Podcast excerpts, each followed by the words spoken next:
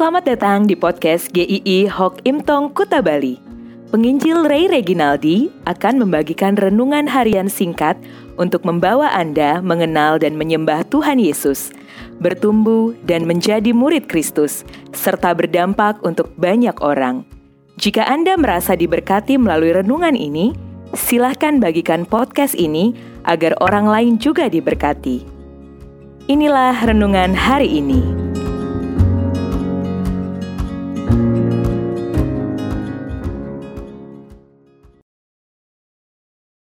Awas iri hati. Amsal 23 ayat 17 dan 18. Janganlah hatimu iri hati kepada orang-orang berdosa, tetapi takutlah akan Tuhan senantiasa. Karena masa depan sungguh ada dan harapanmu tidak akan hilang.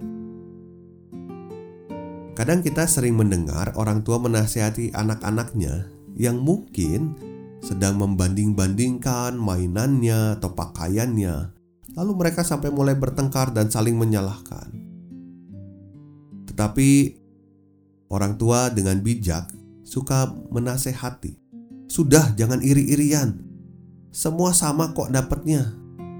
Papa mama sayangnya sama kok. Tetapi yang menarik adalah iri hati ini sebenarnya bukan masalah enteng. Bukan hanya menjangkit anak-anak. Tetapi bisa menjangkit siapa saja tidak kenal usia. Yang lebih berbahaya kadang sulit dideteksi. Karena jarang ada orang iri hati menyadari dan mengakui bahwa saya memang iri hati. Iri hati adalah tanda seorang yang tidak puas dengan apa yang dimiliki dalam hidupnya, mengingini apa yang dimiliki orang lain, mungkin tidak secara langsung mengatakannya, tetapi terlihat tidak suka orang lain berhasil, benci orang lain mendapatkan sorotan. Saat firman Tuhan memperingatkan, "Jangan hatimu iri hati kepada orang-orang berdosa." Ini adalah suatu nasihat yang sangat penting dan sangat relevan di dalam kehidupan manusia. Setiap orang bisa jatuh ke dalam iri hati, siapa pun Anda. Saya bisa jatuh, Anda bisa jatuh. Bisa kepada mereka yang sudah memiliki jabatan yang tinggi. Bisa juga kepada mereka yang bisa disebut orang-orang yang berhasil. Iri hati bukan sekedar kekurangan kepemilikan, tetapi letak pada kepuasan apa yang dimilikinya. Yakobus memperingatkan dalam Yakobus 3 ayat 16. Sebab di mana ada iri hati dan mementingkan diri sendiri, di situ ada kekacauan dan segala macam perbuatan jahat. Iri hati begitu berbahaya karena dapat melahirkan perbuatan jahat lainnya. Ketika seseorang iri hati, masalahnya adalah dia sudah salah menempatkan fokus hidupnya. Sadar atau tidak, dirinya lah yang didambakan menjadi pusat pemujaan. Salah fokus hidup berarti dirinya sudah berjalan melenceng dari yang seharusnya. Maka orang iri hati tidak akan pernah berhenti untuk iri hati jika dia tidak mendapatkan dalam hidupnya sumber kepuasan yang sejati. Firman Tuhan mengatakan, untuk sikap tidak iri hati adalah dengan hidup takut akan Tuhan senantiasa. Artinya, hidup dengan benar di hadapan Tuhan.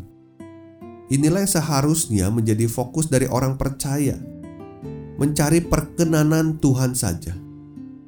Kita memang hidup di dalam dunia yang selalu tarik-menarik, ada ketegangan antara hidup di dalam kehendak Tuhan untuk Tuhan dan hidup menurut dunia ini.